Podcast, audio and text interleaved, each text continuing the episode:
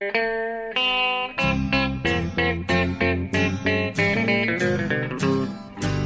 out there, we're on the air. It's hockey night tonight. Tension grows, the whistle blows, and the puck goes down the ice. The goalie jumps and the players bump, and the fans all go insane. Someone roars, Bobby scores at the good old hockey game. Oh, the good old hockey game is the best game you can name.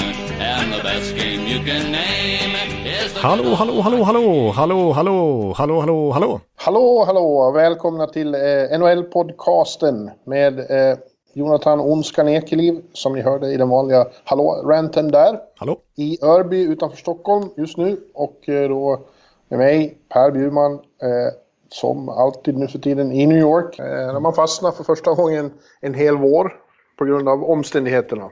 Ja, precis. Exakt. Nu hade väl varit inne i konferensfinaler alltså. Om det hade varit Stanley Cup-slutspel. Och du hade verkligen varit på resande fot. Förlåt, jag börjar hosta. Jag satte något i halsen. Det är inte, det är inte corona. Nej, bra. Det tror vi inte att det är. Jag hoppas inte det. Nej, jag drog. Jag vart så, jag vart så eh, exalterad. Exalterad, ja. När, du, när, jag, när jag sa konferensfinal så bara... Då började jag hosta Ja. och det, liksom, du blev så glad. Ja, är ja, det är 11 maj. Jo, vi hann nog vara i, i början av konferensfinalerna. Möjligen en Game 7 nu i, i andra omgången. Jag vet inte riktigt. Ja, det är någonstans där i skiljelinjen typ. Ja, men eh, nu är det ju som det är. Eh, vi befinner oss i en pandemi och eh, NHL och allting annat har varit nedstängt i nio veckor. Ja. Och eh, ja, vi, idag kom ju beskedet att AHL, eh, de ställer in hela säsongen. Där är det över och förbi. Precis, det blir inget slutspel eller någonting sånt där. De har stängt igen totalt. 100% klubbat igenom bland deras respektive ägare. Ja, men det var också ganska väntat. De har ju liksom inga tv-avtal att prata om. De tjänar inga pengar på tv så, utan de tjänar ju bara sina pengar på, på entré eh, i hallarna. Ja, precis. Jag har ju kollat en del på AHL TV. Den har blivit lite bättre nu sen AHL faktiskt började satsa lite på den. Men för några år sedan, när till exempel jag skulle följa Syracuse Crunch, eller faktiskt så här, när, ja de, de också, men Norfolk Admiral som var Tampas gamla famlag, när de gick och vann 2013 med Tyler Johnson, med Alex Killorn och såna här killar. Alltså den streamen, man fick alltså streama Jumbotronens sändning med radions kommentatorer pålagd. Ja. Jo, men alltså, jo, det finns ju tv-sändningar nu, men det är ju inga pengar att prata om som i, i NHL. Nej, verkligen inte. Precis. Och det är inte samma De får- prestige, samma hundraåriga historia att dela ut Stanley Cup som att dela ut Calder Cup. Liksom. Nej, men framförallt om de ska tvingas spela utan publik då. Det, det är hela deras inkomstkälla. Ja. Så det är helt meningslöst. Nej, precis. Det är det som är den absolut hundraprocentiga anledningen. Liksom. Ja, så att, eh, där blir det inget. Men NHL, eh, de eh, vandrar vidare mot sina förhoppningar om, om att åtminstone genomföra ett slutspel. Och det senaste budet är ju nu att man, in, man struntar i sista månaden av, av grundserien då och ger sig i kast med ett slutspel bestående av 24 eller 20 lag. Eh, förmodligen 24. Då, som får, och de som inte var, de som fortfarande hade chans eh, att ta sig till slut, enligt vissa procentsatser då, som tabellen såg ut när det slutade, får en slags play-in. Ja, precis, exakt. Eh, så att hur det formatet exakt ska byggas upp har man väl inte kommit fram till exakt än. Det blir, ju- det blir väl, om man tar med wildcard-lagen då, plus de las fyra lagen utanför slutspel som det pratas om, om det skulle bli 24 lag, alltså sex lag i respektive konferens i play-in system. Så vet jag inte exakt hur det ska gå till, för det är ju sex lag, så det går inte att köra ett rakt turneringsträd liksom. Men, Nej, nej, inte jag heller. Men, men, eh, och det ska vara på fyra platser då, fortfarande oklart vilka, men man måste ju- Det viktigaste är att begränsa resandet. Ja. Är, ju- i, I dessa tider, att man inte ska kuska runt med 50 personer per lag runt eh, hela kontinenten. nej, Eh, det är ju då smittspridningsmässigt det, det värsta man kan göra. Ja, precis. Samtidigt har de kommit fram till här nu, eller kommit fram till, men de har, det, det visste de ju, men att det är ju, ett, det är ju en ekonomisk fråga också det här med att testa alla spelare som de måste göra. De ska ju testa varje dag, sägs det. Och de måste sanera omklädningsrummen i de här fyra respektive arenorna de ska hålla till i och plus träningsfaciliteter och sådär på ett väldigt grundligt sätt. Varje dag pratas det om också. Eh, och det kommer att kosta Ja. pengar. Till exempel de här testerna. Det snackas om 20 dollar per gång per spelare, per ledare. Och de är ju som du säger, de är minst 50 personer i respektive organisation som, som är med. Eh, och det blir ganska mycket under en lång tid, för det är inte bara under själva matchdagen och sådär. Det är ju en lång process nu när de ska samlas igen, som det pratas om här i, eventuellt som tidigast i slutet av maj eller någon gång i juni. Eh, och så fram till att de, något, något lag lyfter Stanley Cup-bucklan i september kanske. Eller till och med oktober. Eh, Ja, det är inte bara en ekonomisk fråga det där med testerna dock, det är en moralisk också. Det, för att ja. det, det har ju inte varit alldeles lätt för vanliga människor att få testa sig här. Eh, om de här lagen kommer till fyra städer eh, där människor, vanliga människor har svårt att testa sig och de här kommer att göra test, superstjärnor kommer att göra eh, flera tester om dagen. Mm. Eh, så är, är ju det ett problem. Men det har ju Bill Daley eh, eh, som får göra de flesta uttalanden om här varit ganska klar med att det går bara att genomföra om, om det är på ställen där eh, rigorös testning, eller där testning är tillgänglig för alla. Ja, precis. Att de inte... Det går ut över den lokala befolkningen liksom. Ja, precis. Eh, så det har de ju varit tydliga med i alla fall. Det måste. Du, jag måste fråga en sak apropå äh, tester. Du har tryckt in inspelningsknappen och det har vi Oj, varit med om. Ja, det var en viktig fråga. Jag blev lite nervös precis när du sa det, men den är intryckt. Ja, vi brukar börja med det innan hallå ramsor så brukar vi eh, vidimera att den är intryckt. Ja. För det har några gånger genom historien hänt att vi har fått lov att ta om allting och det är inget roligt. Nej, det var det inget roligt. Spontant. Så, senast var vi faktiskt i uh, New York här. Foppa-avsnittet. Ja. Alltså, ja. Foppa-delen, eh, den satt i alla fall. Det hade varit hemskt om, om jag hade misslyckats då själv. Jag hade ju kunnat bli så nervös typ så att jag hade missat ja. den här Foppa. Men sen så när vi skulle fortsätta efteråt, då glömde jag totalt bort att, att trycka på den röda knappen. Men nu är den, ja, nu är den, ja, bra. Nu är den på. Mm. Men det, det är ju också, alltså, jag hör mer och mer om att det är väldigt många spelare som är, tveksamma till det här. Ja. Uh, de i St. Louis ska ha sagt liksom tvärnej. De vill inte göra det här. Bara om det är i, är i St. Louis. De vill inte åka någonstans och sitta i flera månader på något hotellrum. Eh, och göra något som spelar utan publik och det kommer inte att kännas som det ska. Ja, jag vet inte. Nej, och, det finns olika syn, syn, på det. Jag pratade med, med, med Henrik Lundqvist häromdagen i en ja. längre intervju. Och på honom lät det som att han var ändå ganska redo och trodde att kommer vi bara samman så, så kommer vi att tända till och vilja spela för att vinna. Precis, så han såg man ju här idag ihop med Joel Lundqvist köra runt lite och göra sig redo för en eventuell återstart i NHL. Så han håller ja. sig i form. Ja. På is till och med. Ja. ja, men det gör de ju och det gör ju svenskarna då till skillnad från alla andra. Eh, vilket är också är lite känsligt. Ja, precis, exakt. Det, där, det pratade vi lite om förra veckan, att svenskarna har en fördel där och att det finns vissa NHL-spelare som har uttryckt ja, negativa åsikter kring det och att det är orättvist. Och det är också en sak som har kommit upp i det här, det finns ju en spelarkommitté som vi har nämnt också med McDavid och Tavares och Scheifele bland annat och Ron Hainsey tror jag är med. Ben Reemstike mm. som vi kommer komma in på senare i avsnittet är med där också. Eh, och de, eh, ja, en synpunkt från spelarna är också det här att de tycker att det ska vara, när de väl återsamlas allihop så ska det vara på rättvisa grunder. Alltså när träningsfaciliteterna öppnar upp så ska det inte vara så att oj, St. Louis öppnar först eller Carolinas öppnar först och så får Toronto vänta en vecka till.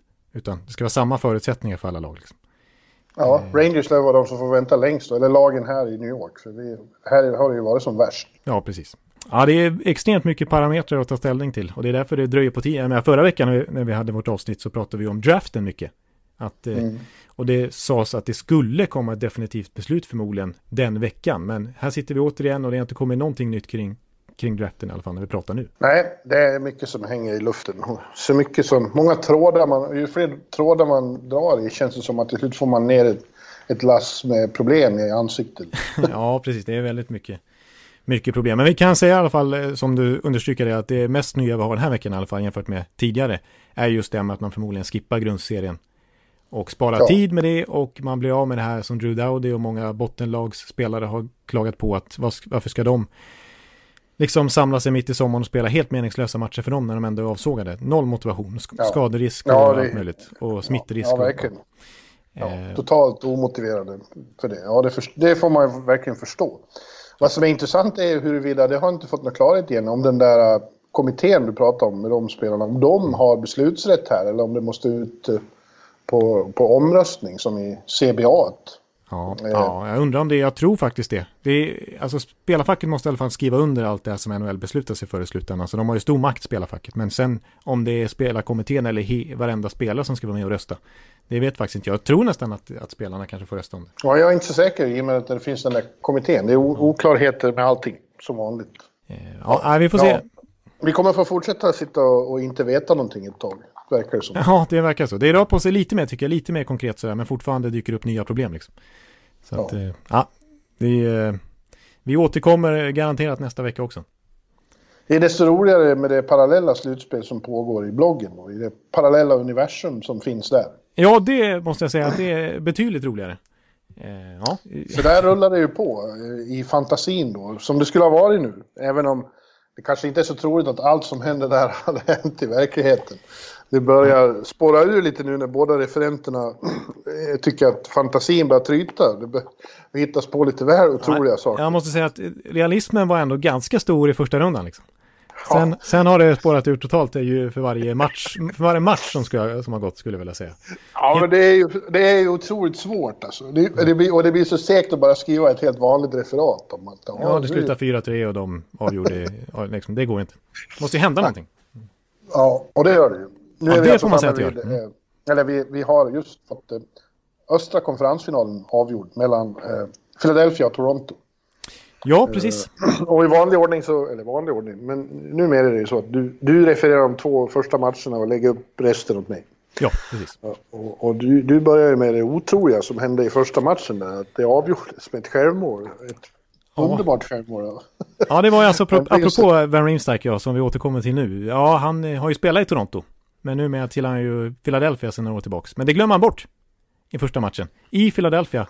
Och vid ställningen 2-2 i slutet så, ja, bara en halv minut kvar så, ja, han får ju hjärnsläpp helt enkelt och lägger in den i, i drömläge visserligen, men det är ju fel målbur. Ja, så, så, så kan det bli. Men han får revansch senare i serien och avgör en match i Toronto för Toronto, i rätt kasse och så.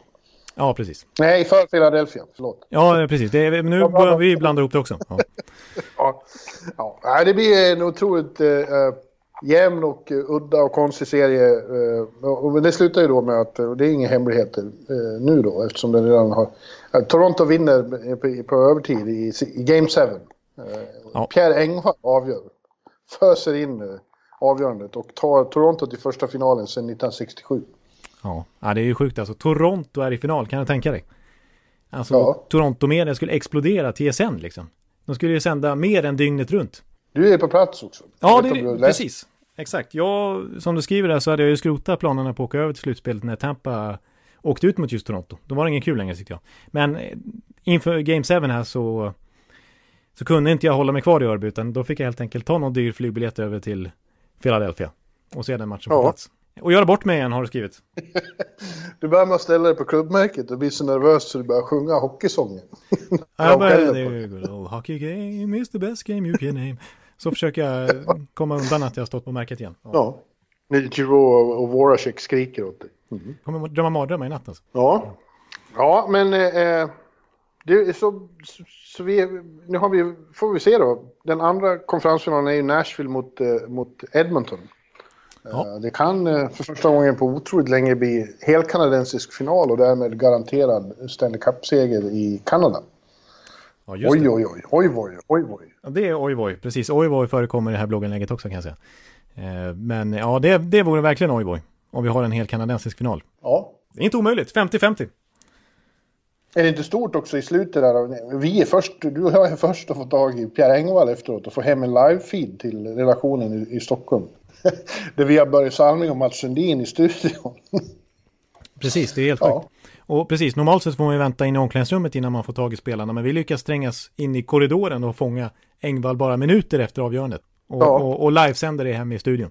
Där Mats Sundin ja. alltså och Börje Salming står och är helt lyriska. Det här var ju, som om du kommer ihåg, så var det ju det här en, en, en, en matiné. Och, och de högsta tittarsiffrorna i Sverige på en NHL-match någonsin. Ja, just det. Just det. Precis, det står ju här i början. Ja, exakt. Men hur vi då har lyckats få Börje och Sudden till Aftonbladet-studion och, och blåst vi har satt på det är ganska stort. Ja, det kan man ju ifrågasätta.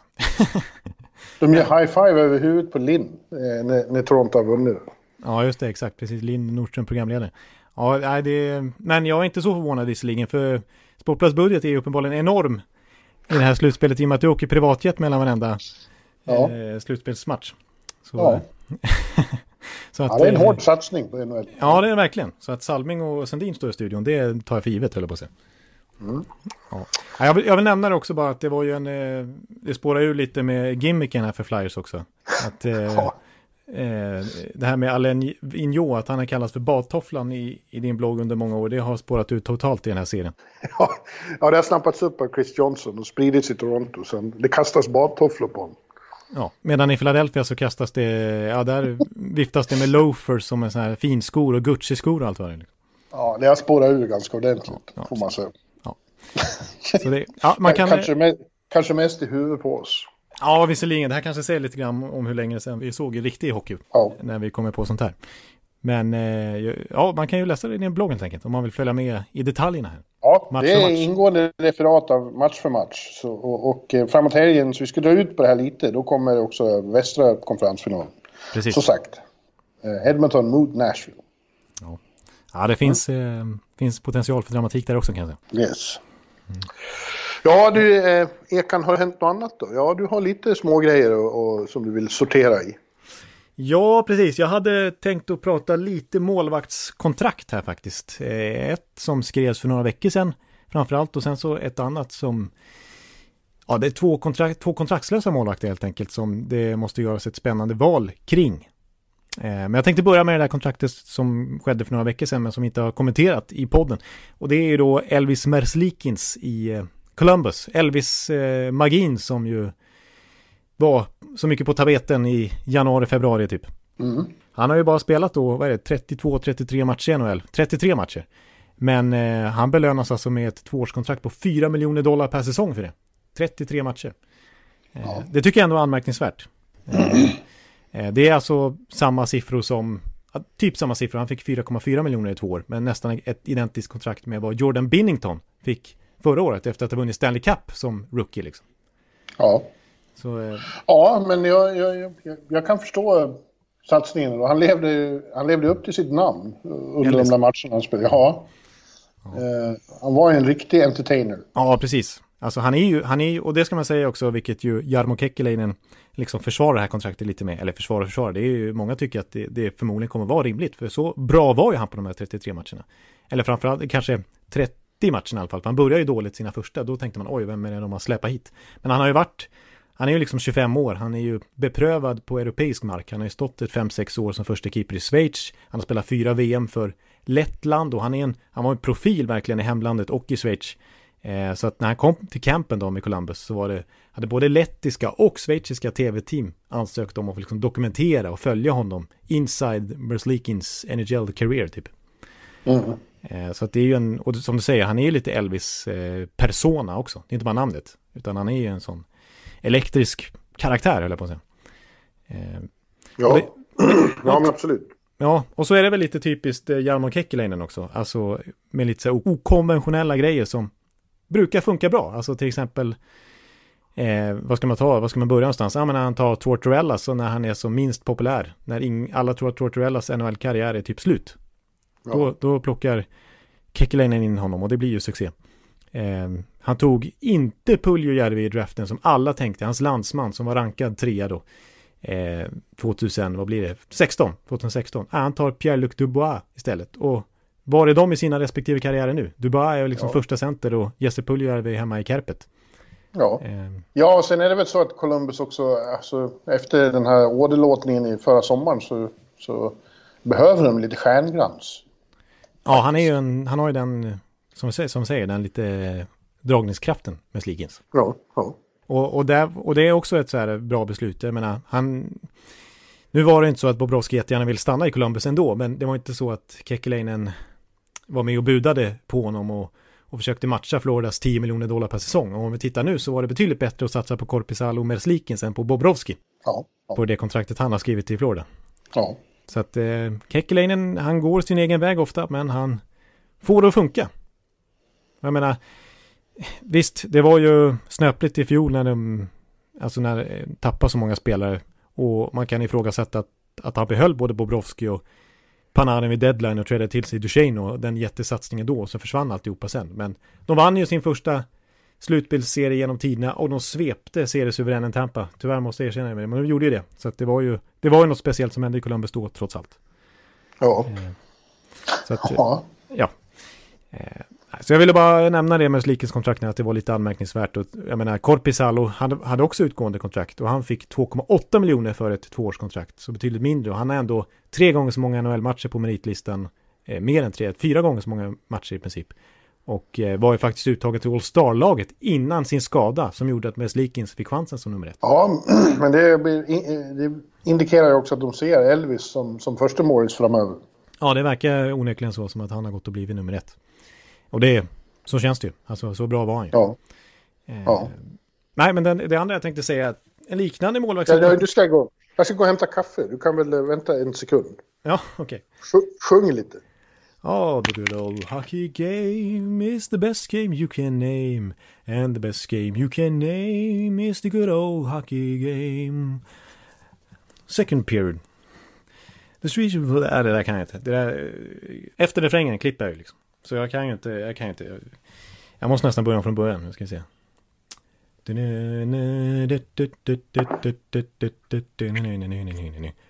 Yep. Hello out there, we're on the air, it's hockey night tonight. The tension grows, the whistle blows and the puck goes down the ice.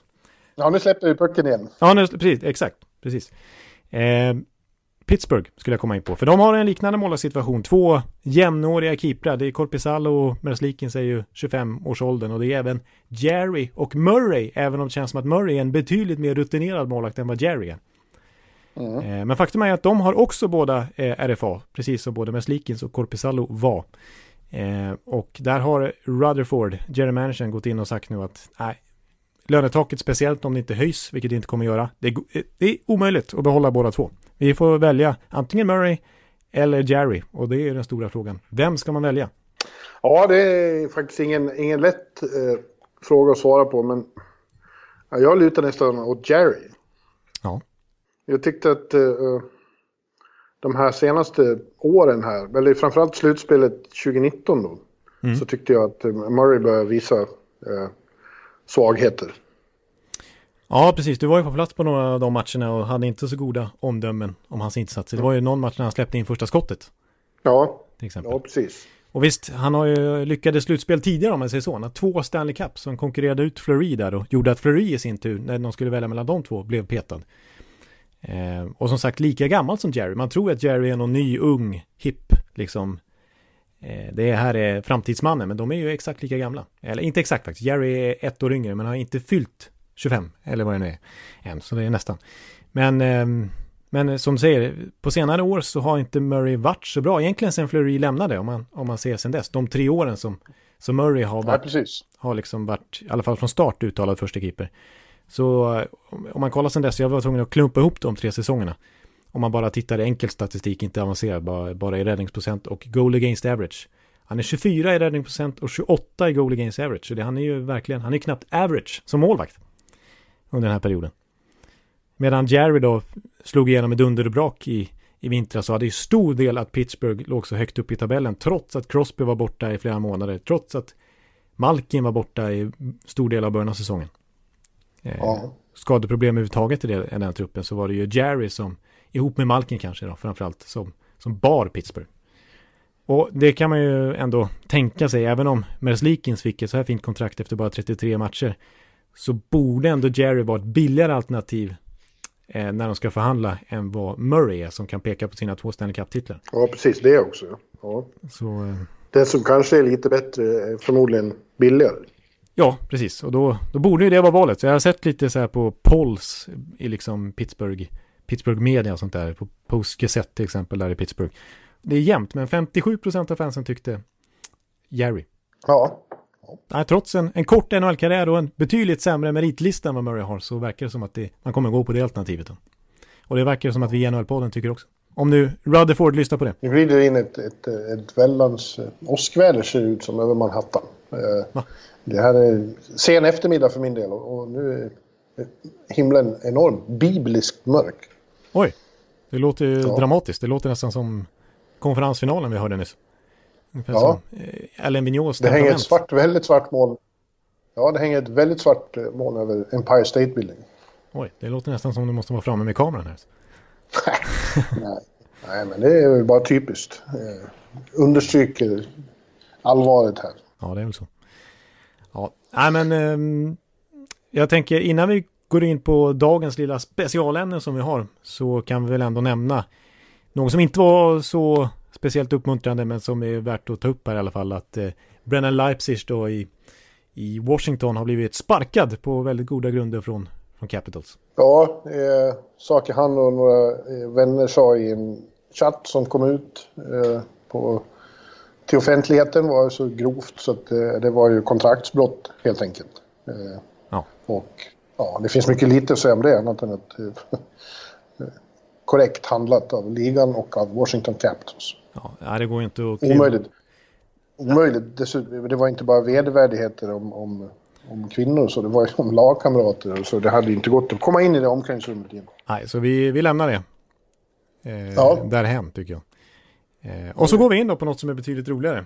Nämligen eh, att, eh, ja du kan få berätta vad du har gjort för något.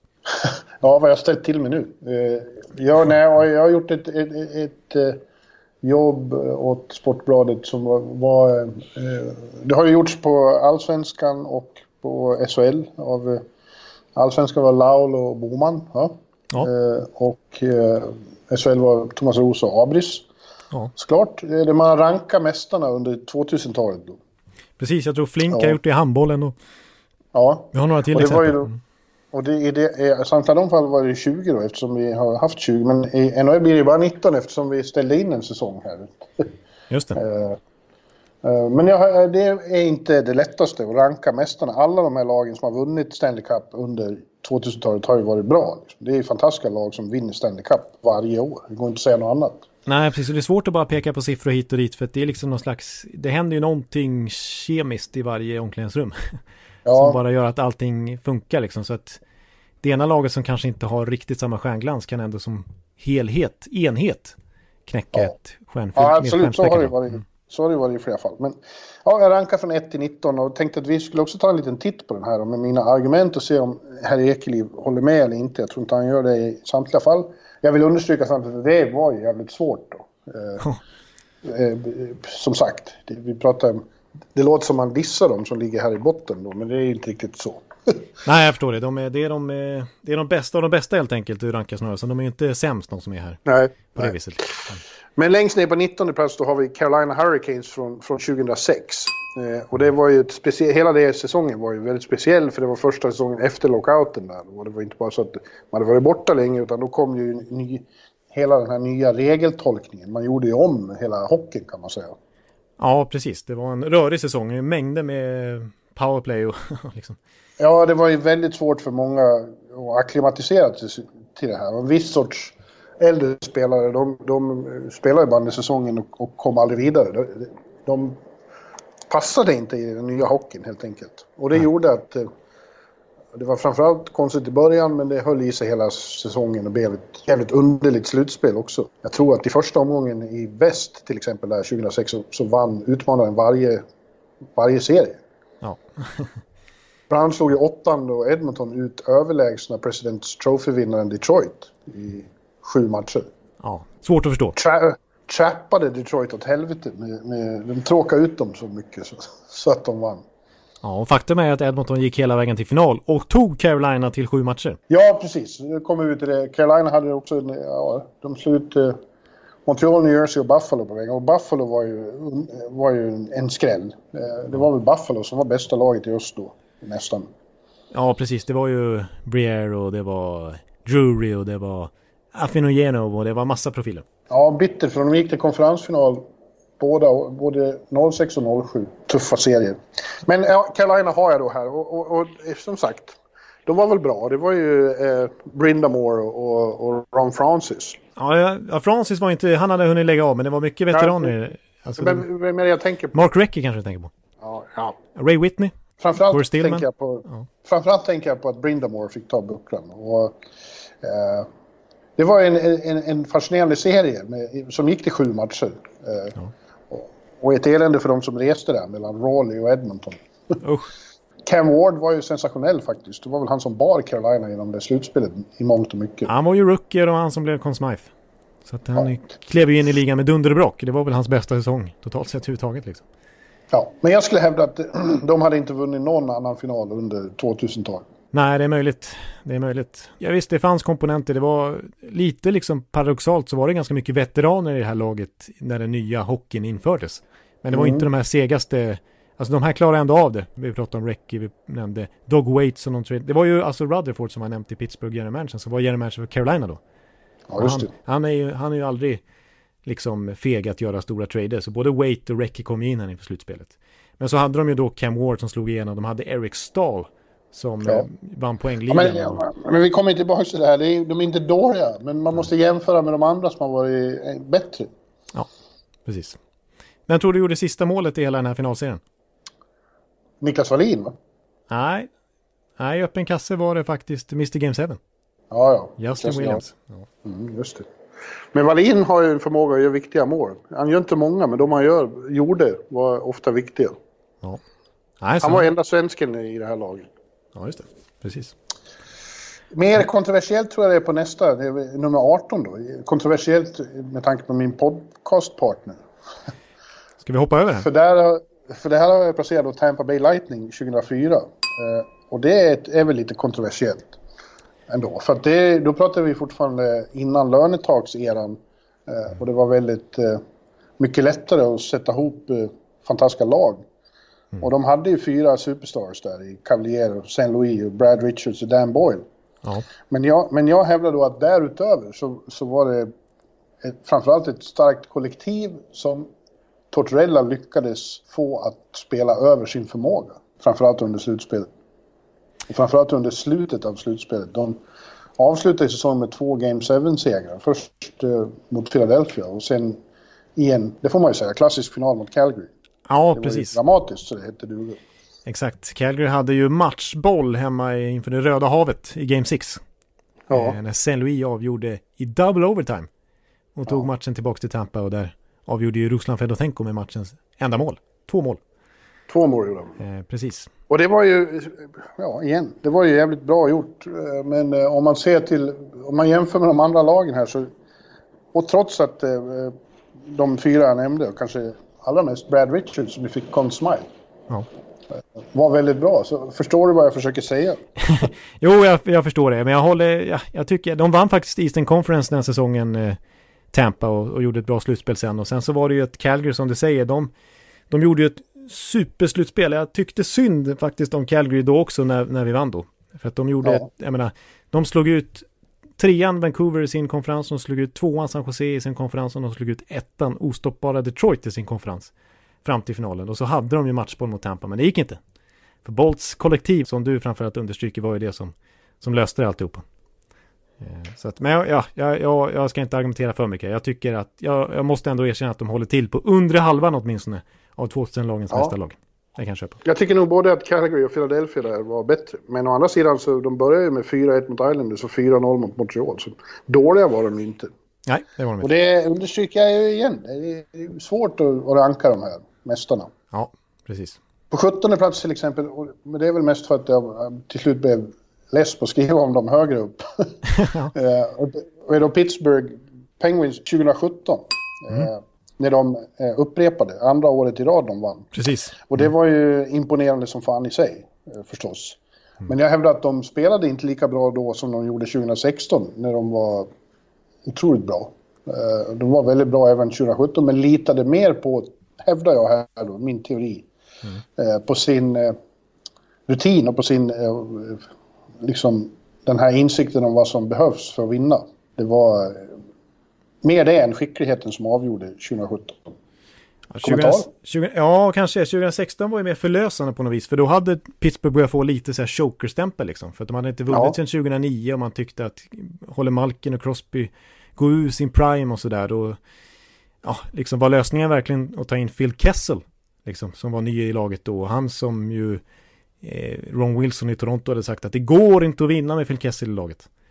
Men liksom, Mike Sullivan kom in och verkligen förlöste knutarna där och, och Phil Kessel hittade fantastisk kemi med Carl Hagelin och Nick Bonino i The HBK Line. Ja, det kanske är mer så att man, man var mer liksom imponerad 2016. Kanske var de i princip lika bra 2017. Men, men jag hävdar att det var mer eh, att de hade lärt sig. De hade återigen lärt sig läxan om vad som krävs och, och behövde inte ta sig upp på riktigt samma nivåer som de gjorde i, den, i de serierna 2016. Det mest imponerande 2017 var att de slog Ottawa då till slut i konferensfinalen. Eh, för att eh, då började, vid det laget hade det börjat kännas som att Erik Karlsson var predestinerad att ta Ottawa till final. Ja, precis. Det kändes som att han, han skulle bära hela Ottawa liksom, till att lyfta bucklan. Liksom. Eh, ja. Men nej, Chris Kunitz satte stopp i Game 7 för Karlsson Ottawa. Ja. Och så slog de Nashville i en final då som, som, som, var bra. Men de hade lite flyt och så i den finalen också med domslut och sånt. Det går inte att komma ifrån det. Ja, nej, jag, köper, jag har inga större motargument faktiskt. Det får jag erkänna. Ja.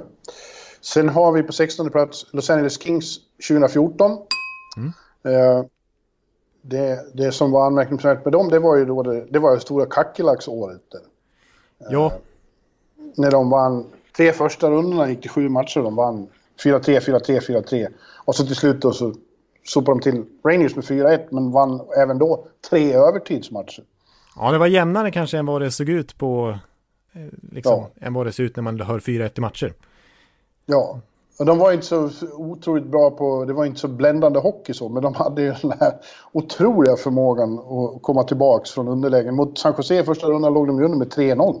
Ja, det var 3-0 matcher. De är ett av fyra lag som har lyckats vända 0-3 till 4-3 matcher. Så det var ju enormt. Liksom. Ja. Så det var därför de kallades för kackerlackorna. Ja, precis. Det var, det var ju de själva som kom på det. Vi är som kackerlackor. Det går inte att bli av med oss. Nej, nej precis. Och lite så har väl varit eh, tyvärr för dem efteråt. Att de här stjärnorna har inte gått att bli av med.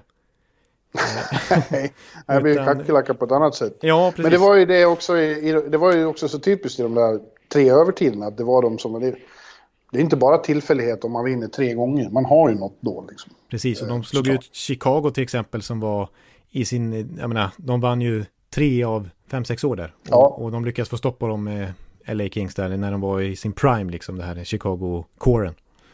Ja. ja, det finns ju många som säger att den, den konferensfinalen mellan LA och Chicago är bästa serien på hela 2000-talet. Ja, det var ju, precis, för det var, alltså, det var två riktiga, det var ju två dynastier som clashade. Ja, ja, det var det. Man visste nästan att den som vann den finalen, konferensfinalen, skulle vinna finalen också. Ja, precis. Och då tyckte man det var en häftig serie mellan Montreal och Rangers. Men när det väl blev final så visst, det var ganska jämnt mm. spelmässigt. Men 4-1 i matcher är ändå, säger ju ändå någonting. Ja, men det är också, det är ingen tröst för till exempel Lundqvist som fick sina drömmar krossade där om Stanley Cup. Det var ju flera LA-spelare som erkände efteråt att hade det var en enorm tur att de vann den där Game 5.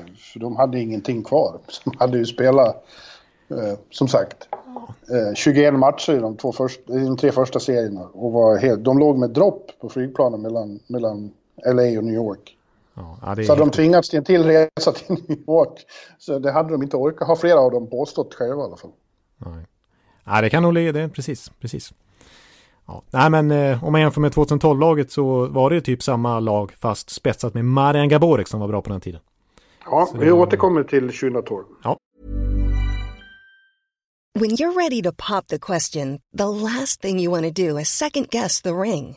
At BlueNile.com you can design a one-of-a-kind ring with the ease and convenience of shopping online. Choose your diamond and setting. When you find the one, you'll get it delivered right to your door. Go to Bluenile.com and use promo code LISTEN to get $50 off your purchase of $500 or more. That's code LISTEN at Bluenile.com for $50 off your purchase. Bluenile.com code LISTEN. Uh, på 15 plats har vi, det är St. Louis då förra året. Och det är kanske lite så här bias om att man får en större bild av det som har hänt längre tillbaks. St. Louis var ju väldigt bra också. De hade lite samma samma egenskaper som det Los Angeles vi just pratade om. Mm. Eh, de kom ju också tillbaks från... De var illa ute i alla serierna, men ja. blinkade inte. Det gäller framförallt i finalen då, när de förlorade Game 6 hemma mot... Och hade chansen att vinna där och så förlorade de och tänkte nu är det ju kört. Det går inte att åka till Boston och vinna Game 7. Nej, precis. Det kändes 80-20 eh, i Boston då. Ja. Minst. Mm. Ja. Och kanske var det Boston kände också. Det var det som var problemet till slut. Ja, vad blev, blev det 5-0 eller 5-1 i, i sista matchen där? Ja, det rann iväg på slutet, men ja. Ja, Boston var faktiskt aldrig riktigt nära att vinna sin Game 7. Men eh, det var ju också intressant med Blues då att efter några år när det hade varit speed och skills och, och, och så, så blandade de i lite tyngd och, och, och kraft igen i, i segerdegen. Ja, precis. Det var ju ett, tungt lag att möta. Och sen tycker jag också det som sticker ut med Blueslaget, som visserligen hör hemma lite i, i Boston också, men det var ju att ah, det är ju inget, det är liksom ingen sån här stjärna som tjänar 10 miljoner dollar per säsong utan liksom Ryan O'Reilly bäst betalade laget på typ 30 plats i ligan sådär. Det var, det var ett ja. kollektiv. Det var många ja, det bra var spelare men framförallt var det en enhet och det var Oskar Sundqvist och gänget i fjärde kedjan som spelade lika mycket, lika många minuter eller till och med mer i vissa matcher där, framförallt i konferensfinalen. Så det, var, det var helheten ja, det var ju ytterligare ett bevis på att det behövs ett, ett helt lagbygge. Liksom. Det går inte bara att ha spets hos en mästare. Nej, precis. Så att, ja, men jag, jag håller med om det att alltså, ska man jämföra alla lagen här och man tittar liksom på, trupp, på trupperna så här så ja, då blir de ju under halvan. Så att jag, jag ska inte argumentera mot dem heller. Nej. På 14 har vi Chicago 2015. Eh, och Chicago, deras tre mästarlag har ju inte heller varit så lätt att, att skilja åt. De var ju en dynasti där, där de var bra hela tiden. Ja, ja precis.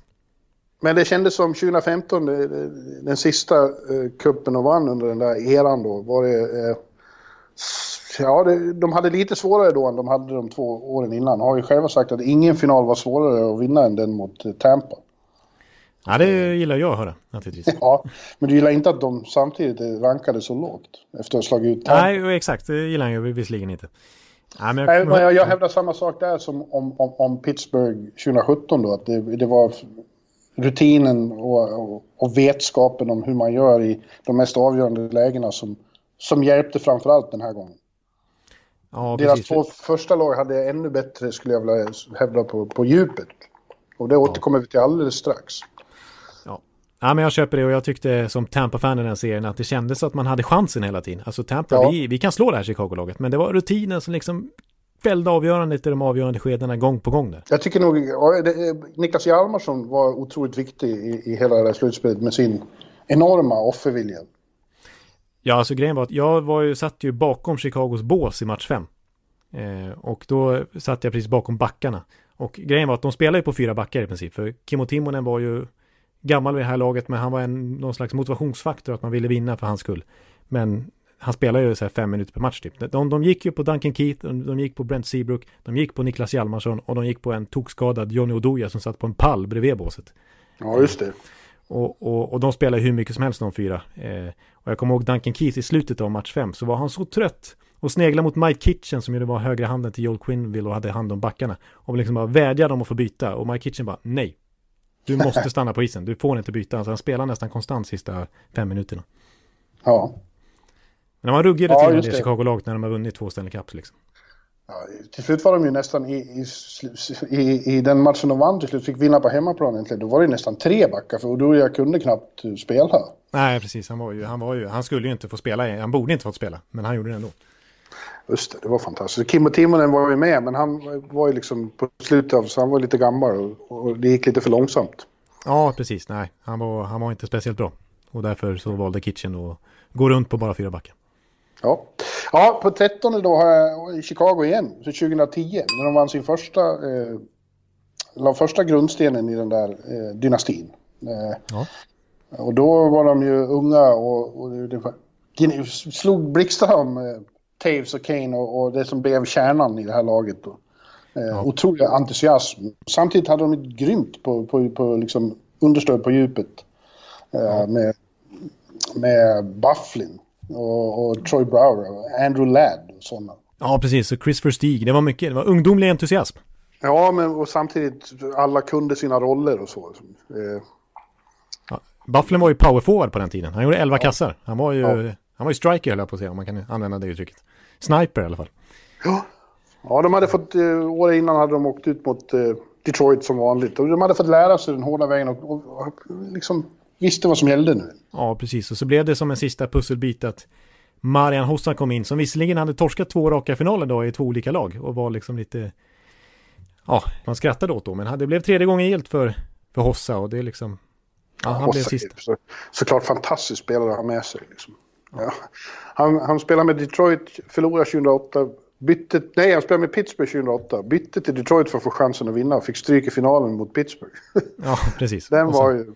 Ja. Men sen till slut, då, tredje gången gilt med Chicago. Sen var, till slut var det ju tre Stanley Cup. Ja, med, med Hawks. Så att det, han fick lite igen. Ja, jag menar, jag, det var ju underbart att vara med på den tiden. Jag följde Chicago då 2010 där. Jag kommer ihåg de mötte ju först, i första omgången hade de Nashville, den serien följde jag väl inte så mycket. Men sen var det Vancouver i andra rundan, San Jose i konferensfinalen och Philly då. Jag var i Chicago hela tiden. Ja, just det. ja, precis. Ja, men en, en, annan grej jag vill säga om 2010-laget där, det var ju sista året på Keynes och Tays rookie-kontrakt. Så de var ju billiga. Det, det i sin tur gjorde ju att de kunde ha ett så brett lag. För de kostade ja. inte så mycket pengar ändå. Så att då hade de ju råd med en väldigt slagkraftig trupp. Ja, på tolfte plats har vi LA Kings 2012 då. Och det är bara att titta på siffrorna. Den sprang igenom varenda serie. De tog Vancouver med 4-1, St. Louis med 4-0, Phoenix med 4-1 och New Jersey då med 4-2. Men hade de bara varit skärpta i fjärde matchen så hade de ju svept Jersey där också i, i ja, den tråkigaste finalen under alla mina år här i alla fall. Ja, den kändes avgjord direkt. Ja, eh, men då var de ju jävligt, de var stora och starka, elaka och eh, sådana som man idag tycker kanske är lite sega som eh, Dustin Brown var ju helt enastående. Då.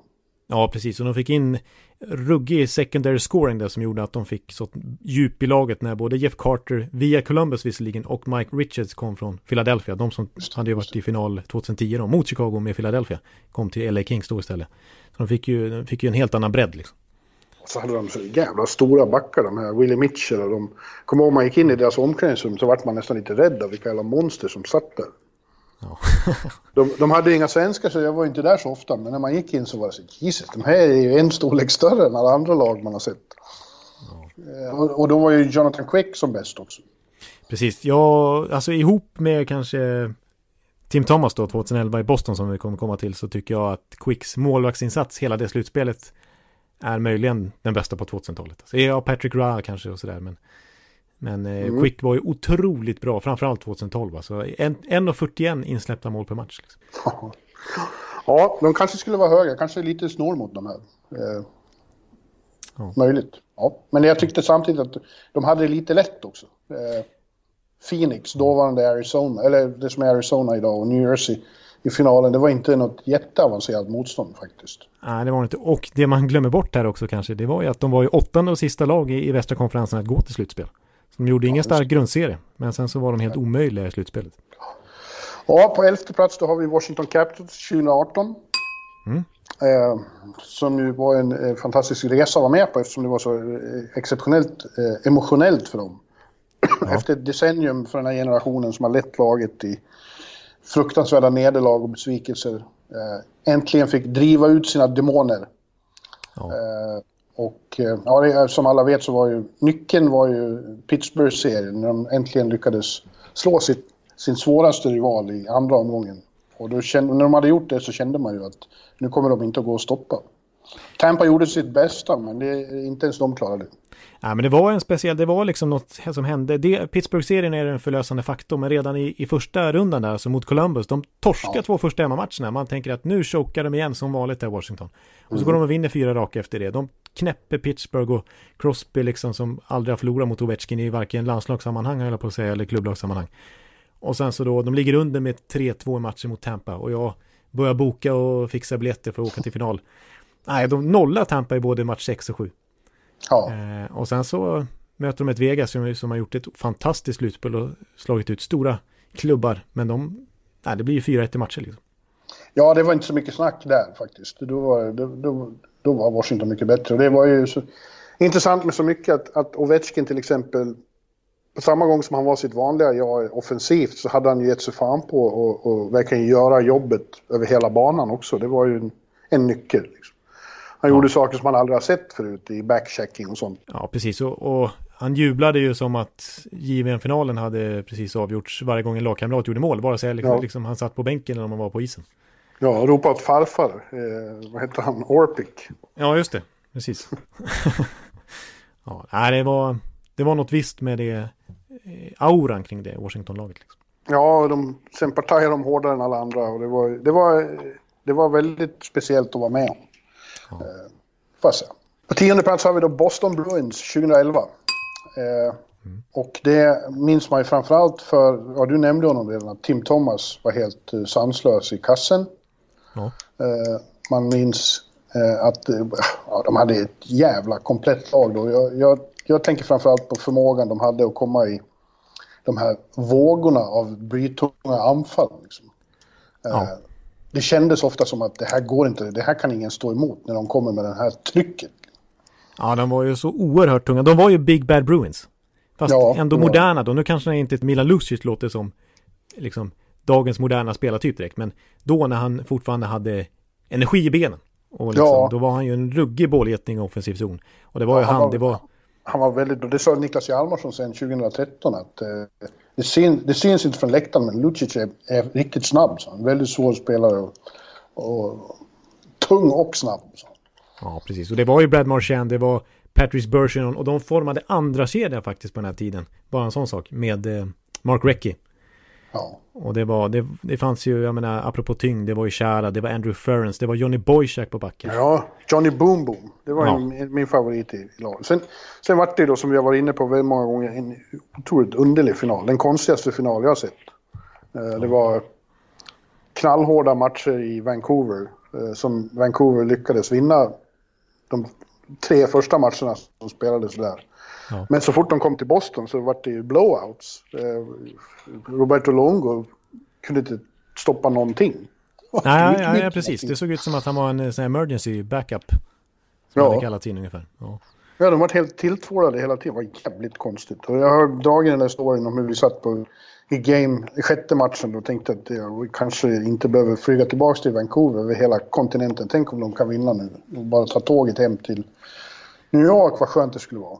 Ja. I slutet av första perioden satt alla och letade efter flighter till Vancouver. Det stod ju redan 5-0 eller något sånt. Ja, ja, exakt. Ja, en otroligt underlig serie. Men eh, ja, Boston var väl trots allt det bättre laget alltså. Det var sån Ja, de var det. tyngd och bredd i det laget alltså. Ja, Charas triumf. För sen, eh, de har ju haft det, de har varit bra även efter det, men de har ju- förlorat två finaler eh, sen dess. Eh, Ja. Det är 13 mot. Chicago och sen då häromåret då mot Blues. Ja. Ja. Ja, sen har vi på nionde plats då Pittsburgh kommer vi till igen. 2016 nu då. Eh, Som föregick 2017. Det är Inte helt ologiskt. Nej, det stämmer. Eh, och där har vi då eh, pratat om redan att det var ju lite speciellt efter 2009. Pittsburgh gick till slutspel, har ju alltid gått till slutspel hela tiden. Och haft otroligt bra lag. Men först efter eh, sju år så hi- hittade de en formel som eh, ledde hela vägen till final igen. Ja.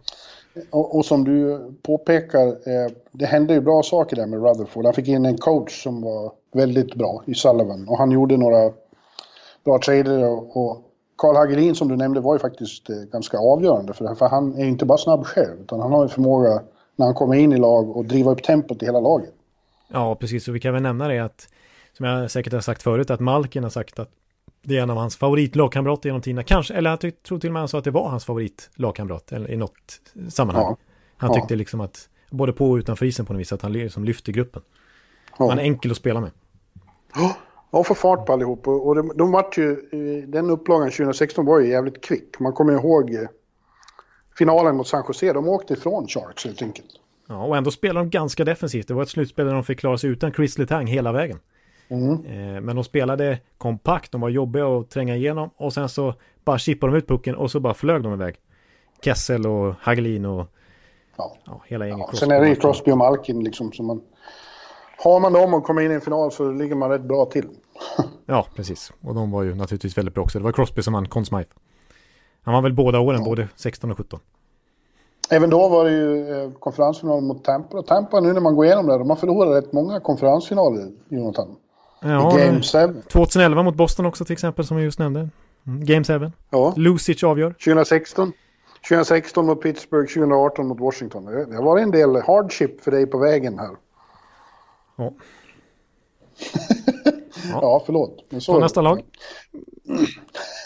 Ja, det blir ju Pittsburgh en gång till sen, senare. Men på åttonde plats så är Anaheim Ducks då 2007. Först när jag gick igenom tänkte jag, nej, det var väl inte så märkvärdigt den finalen. Men sen när man tänker efter lite så, herregud vilket bra lag det var. Vil- Vilket välkomponerat lag det var.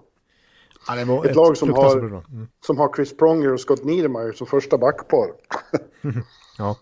Det, den sortens superpar är nästan omöjliga att få ihop nu. Två 1A-backar. Ja, de, de två var ju liksom i diskussionen i alla fall när vi skulle ta ut Kanadas All-Star-lag genom tiderna här Ja. tidigare. Alltså de, ingen av dem kom med, men de var ändå en, liksom på, med på en bruttolista båda två. Ja. Och så hade de då, då på den tiden var ju Getzlav och, och Corey Perry i andra kedjan tillsammans med Dustin Penner. De, Ja. de var ju väldigt bra. Och så var det Teemu Selänne. On a mission from God. Ja, precis, exakt. Och han ville ju verkligen vinna Stanley Cup. Ja. Så att han och på slutet av sin karriär. Och så hade de den kanske bästa checkinglinan någonsin med, med Samuel Paulson, Rob Niedermeyer, Travis Moan. Ja, det är inte de mest household namen, men på den tiden så de stängde ju ner motståndarnas bästa spelare totalt i serie efter serie. Ja. Ja, de började med två enkla segrar mot Minnesota och Vancouver. Sen var det ju hårt då mot Detroit, som även då var liksom överlägsna. Eh, och 06-07 hade liksom, de var ju dåtidens Washington. De var ju fruktansvärt bra i grundserien och så åker eh, för tidigt liksom. Ja. Eh, och den serien förde, kommer jag ihåg det förde noga, liksom Anaheim, Detroit. Eh, I alla fall i Detroit. Ja, just det. Eh, väldigt bitter för Detroit, men eh, liksom otroligt starkt. Det var det, det var det starkaste de gjorde, att slå Detroit. Sen var det ju 4-1 mot 8. Ja, precis. Alfredsson skjuter på Niedermayer Ja. till exempel. Ja. Du kommer tillbaka till det hela tiden. Ja, men det var ju ett speciellt ögonblick. Frustrationen där. För ett, eh, de hade ju en fantastisk första serie i alla fall med Alfredsson, Spets och Danny Heatley. Ja, Dagny. Dagny, alltså så som din eh, autokorrekt vill få det till. Ja, ja. Eh, jag ska säga en sak till om det Anaheim-laget som hade kunnat göra dem, flytta upp dem ännu högre på den här listan. För då tror jag att de kanske hade vunnit ytterligare en Stanley Cup. För att det är, och, ja, det är någonting man i Anaheim återvänder till då och då. Att så kunde det ha blivit. 2005, de hade bäst odds att vinna draften. Men de torskade och fick drafta Bobby Ryan som tvåa. Hade de vunnit draftlotteriet som de hade bäst odds till, då hade det blivit Sidney Crosby i Anaheim. Ja. Och då Ja. hade de haft en one, two, three punch med Ja. eh, Andy McDonald, Ryan Getzlaff och Sidney Crosby. ja. Inte så dumt. Nej, men de vann ändå. Brian Burke får ändå applåder för det lagbygget, tycker jag. Ja, det får man säga. Alltså, vi har inte ens nämnt eh, Shiger i kassen. Nej. Som redan några år innan, 2003, vann Conn Smythe som för förlorande lag. Den senaste som har gjort det. Ja, precis. Det är ju extremt säll- sällsynt. Men han, han vann ju 0-3 där. Ja. Eh, ett lag som, de mötte ett lag som vi kommer, som vi inte har nämnt än, så då, vi får se vilket det är. Men sen kan vi nämna Kunitz var ju med i det här laget också, som ju var med tre gånger med, med Pittsburgh sen. Men han var med i det här Anaheim-laget. Ja. ja, på sjunde plats har vi Chicago igen. Mycket Chicago här. Och jag hävdar då att eh, de, det var 2013 de eh, verkligen pikade eh, med den här generationen. Det lag som vann då till slut med 4-2 mot Boston i finalen. Och dessförinnan hade slagit Minnesota, Detroit och LA. Eh, och låg under med 3-1 mot Detroit kommer jag ihåg och vände och vann. Ja, just det. Då var de som... eh, Det, det kändes som den här kärnan de hade då med Taves, Kane, Duncan Keith, Seabrook, Hjalmarsson, Hosa. De stod på liksom... Det var Prime. Ja, det var deras verkliga prime. Samtidigt som de hade grymt, grymt eh, backup på djupet av, av eh, Boland och Brian Bickle och Kryger och Kryger som kom in. Storberg. Och Andrew Shaw, Frol, Frolic. Det, alltså de, på något konstigt sätt så lyckades de ersätta alla de här som försvann. Ja. Eh, från 2010 med, jag menar, när Bufflin försvann över Stig och det var, ja, alla Ja, det var Andrew Ladd. För man tänkte då att det, det var sån åtgång på folk efter 2010. Ja, det går inte att behålla mästarlag. Det här kommer aldrig att gå igen. Och så är de tillbaka bara några år senare med ett ännu starkare lag. Precis, Corey Crawford i kassen var ju bättre än Antiniemi också. Ja, just det. Eh, och sen vill jag nämna också, alltså från den, det var, det var ju den så kallade, mitt favoritord här när vi pratade om lockout-säsongen 2013 där. Den rumphuggna säsongen. Som Just bara det. var 48 grundseriematcher. Och trots att det bara var 48 matcher så vann de den västkonferensen med 17 poäng. Så de fullständigt, alltså de förlorade knappt en match på de där, av de där 48. Jag tror de torskade sju, liksom. Ja. Av 48, så att det, mm, Ja. ja. Enastående. På åtta, nej, nu är vi uppe på sjätte plats. Där har vi Pittsburgh igen. För tredje gången nämner vi Pittsburgh också då. Det här är 2009. Eh, Ja. eh, när de... Eh, ja, de hade ju spelat final redan året innan mot Detroit. Och kommer tillbaka året därpå, samma final, och vinner då. Game 7. Otroligt starkt. De, har, och de hade lärt sig liksom... De hade ju supertalang redan, redan 2008. Eh, men... Ja, de hade inte lärt sig hur... Man måste lära sig att förlora innan man kan lära sig att vinna. Som de säger. Och veta Ja. hur, hur fruktansvärt jobbigt det är och vad man måste gå igenom. Och det hade de lärt sig året därpå. Det var ju minsta möjliga marginal då också. Det var ju sju matcher och eh, eh, var ju bara slutsekunder när, när eh, Lidström hade superläge. Men eh, Flurry gjorde sitt livs räddning. Ja, precis. Ja. Ja, men ändå på något sätt så var det som att det inte gick längre att stoppa. Det är på den tiden relativt nykläckta Two-Headed Monster. Med Precis. Crosby och Malkin alltså. Och, och vi har nämnt Crosby som Conn Smythe vinnare 16-17. Men det här säsongen, det här året, det var ju Malkins. Alltså han, Ja. var, ju, han var ju ett monster. Han eh, vann grundseriens poängliga och han vann slutspelets poängliga. Han gjorde alltså 36 poäng i 2009-slutspelet och det har ingen gjort varken ja, efter eller före sen Gretzkys glansdagar. Liksom. Nej. Ja, han var enastående. Och, och de lyckades, året innan som vi alldeles strax kommer till, så var, var ju Zetterberg som bäst. Eh, och mm. tog ju bort eh, Crosby. Just det. Mm. Eh, men det hade de också lärt sig lite året innan. De gick ju hårt åt Z som fan. Det var ju till och med slagsmål. Malkin slogs med Z. Enda gången Z var det ju slagsmål.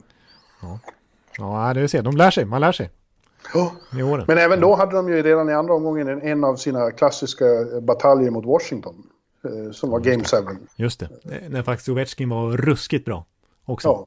Mm. Det var väl då de gjorde varsitt hattrick. Ja, just det. De gjorde så vansinnigt mycket poäng båda två. Ja. ja. Ja, men som sagt. På 50 plats har vi laget de förlorade med året innan då. Det är Detroit Red Wings 2008. Och det hävdar jag då är hela lönetagserans bästa lag. Ja, precis. Då, då, då, blir det ju så. Då kan vi ju konstatera vad det är för lag som kommer här näst på de, på de riktigt feta platserna. Men då okej, okay, ja. Jo, jag håller nog med om att Detroit Red Wings 2008 är det bästa cap-era-laget. Det är svårt att konstituera, eller vad man ska säga, att få komponera ett så här bra ja. lag eh, det... under rådande förutsättningar. Mm. Ja, precis. Det skulle inte vara möjligt att, att behålla sådana lag då. Eh, men de var ju, de var ju liksom bästa laget, även 06 och 07 då, som jag var inne på i grundserien. Men det var första här året de liksom hittade en väg fram till finalen då. Och, och, och, och seger. Och det var ju... Det får man ju... Ken Holland får mycket kritik nu, men på den tiden var han ju en jävligt bra eh, general manager. Hade lite flyt också att, att sådana som man inte visste skulle bli så stora som Johan Franzén var ju i sitt livsform då. Ja, som, en, som en power forward av Guds nåde. Samtidigt som Z var i sin absoluta prime. Han spelar mm. sitt livs allra bästa hockey då.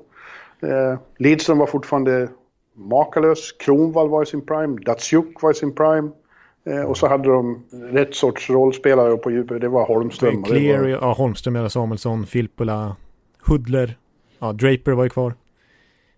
Som du säger, de, alltså Holland och, och Håkan Andersson och så vidare, de som satt i management, liksom hur de lyckades överbrygga den här generationen med Iceman och Chelios och sådär till att eh, liksom, de fick, lyckades ju forma vinnarinstinkt perfekt på, på den nya generationen som tog över med Zetterberg och Datsjuk och sådär. Ja. Eh, så att det, det var ju ett lika bra lag i princip, nästan lika bra i alla fall. Ja. Och dessutom var det roligaste finalen jag har gjort eh, som bevakare. Ja. ja. Jag följde, följde dem väldigt noga det där slutspelet och ja, det var, slutade ju enormt med Lidas som första europeiska kapten fick ta emot bucklan. Ja, just det. Ja, det var, ja, just det, det var historiskt på det viset. Och apropå bucklan, det här kanske jag inte ska nämna, det är onödigt, men eh, Chris Draper la ju ner sitt barn i bucklan som bajsade i, i kuppen. ja. Det var inte lika bra. Ja. Nej, men... så, kan, så kan hända. Ja. Det har hänt mycket den. Ja, så har vi topp fyra kvar då. Det är alla pre-cap era-lag. Ja. Eh, alltså på den tiden när det verkligen gick och, och för de rika lagen i alla fall. Och, och sätta ihop vad som helst för monsteruppställningar. Mm. Men vi börjar med eh, New Jersey 2003. Mm. Och ja. om, om dem kan man säga mycket, men de var inte roliga precis. Eh, Nej. Det var då de lyckades driva trap hockey till sin ja, absoluta spets. Ja. Eh, de de uh, släppte in klart minst mål i grundserien, men var på 14 plats i mål framåt. Ja, Elias vann alltså interna poängligan på 57 poäng. Ja, men de var omöjliga att komma åt defensivt och Bredor var fortfarande på, på toppen av sin förmåga. Precis, och det här var innan Trapezoid som man la till sen så att inte målvakter skulle kunna gå ut i hörnen och ha sig och, och använda klubban överallt i egen zon. För att eh, även i 2000-laget som vi kommer komma till då, antar jag, ja. så var det så att eh, det gick inte att penetrera det här eh, trap hockey som du säger, utan man fick ju dumpa ner och där var ju Martin där ute och tog hand om pucken och så hade Devils eh, pucken av istället. Så det är liksom, ja. det var ju hopplöst.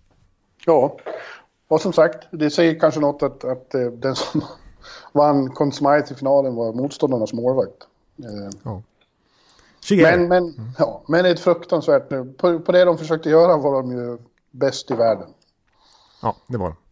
Ja, men som sagt så har vi New Jersey på tredje plats också då med 2000-laget och det var ju lite lika där. Men, men det var ju ändå ett mer elektriskt lag. Och lite speciellt därför att de, de hade, grundserien var sisådär. Coachen fick ju sparken med åtta matcher kvar. Ja, precis. Bara åtta matcher innan slutspelet sparkade de coachen. Mm. Ja, typiskt Lou Lamoriello-drag. Ja, ja. Och så ställde han Larry Robinson som huvudcoach istället och han lyckades ju då bygga en segermaskin av Guds nåde. Precis, alltså Larry Robinson som vi har pratat så mycket om, han som kom med i all time-laget i NHL förra veckan. Vi satte ju ja. Lidström och, och Robinson ihop, eller jag gjorde det i alla fall. Ja. Och han som coach då hoppar in i slutet där och kliver in och, och för New Jersey till, till bucklan. Ja, de hade, ja, i slutspelet när det väl började så var de helt uh, ruggigt bra och hade A-kedjan som den kallades med Elias, Jason Arnott och Peter Sykora var ju helt grymma. Men det var även bakom hade de sådana som liksom Claude Lemieux och Alex Mogilny och Bobby Hollick. Och Scott Stevens och Scott Niedermayer var backar och så Brodeur då, kanske på toppen av sin förmåga. Ja, verkligen. Och fler backar. Deneko, klubbikon och så Brian Rafalski. Ja, ja, ja det, var, det var ett ruggigt lag. Och bara apropå det här med att motståndarna fick dumpa och att Brodeur var ute och plockade puckarna sen. Eh, alltså om man kollar på de två sista matcherna blev det ju väldigt massa förlängningar. Det blev både dubbel och trippel OT på slutet i finalserien mm. mot Dallas. Men Dallas i de första matcherna, de fyra första matcherna fick Dallas iväg 17 skott i första matchen, 18 skott i andra matchen, Jaha. 23 skott i tredje matchen, 17 skott i fjärde matchen. De kom ju inte ja. åt dem. Och det var ändå en Stanley Cup-final. Ja, ja nej, Och Dallas var regerande mästare. Ja, mm. ja nej, det, är, det är bara att applådera. Eh, ja. Och Lemieux, som vi, Claude Lemieux, som vi har hört så mycket av Foppa berätta om nu. När han mm. ville vinna, då var det svårt att stoppa honom. Precis, det var en vinnarskalle utan dess like, på sig. Han har alltså träffat oss några gånger på gruppresorna. Claude ja. Lemieux. Ja. Han kanske dyker upp igen. Mm. Ja, vi hoppas ju att vi återvänder till den, till det sortens verksamhet igen. Ja, det, hade varit, det vill man verkligen göra. Ja. ja, på andra plats, Colorado Avalanche 2001. Eh, mm. Den är ju, eh, den serien och finalen är mest känd för är till att börja med att Ray Bork äntligen fick vinna då. Och Sakic gav honom bucklan på en gång. Och de skrek efter 22 years Ray Bork! Ja, det är klassiskt. Gåshud. Joe Sakic will come out to receive it as captain. The Stanley Cup winning Colorado Avalanche. And after 22 years, Raymond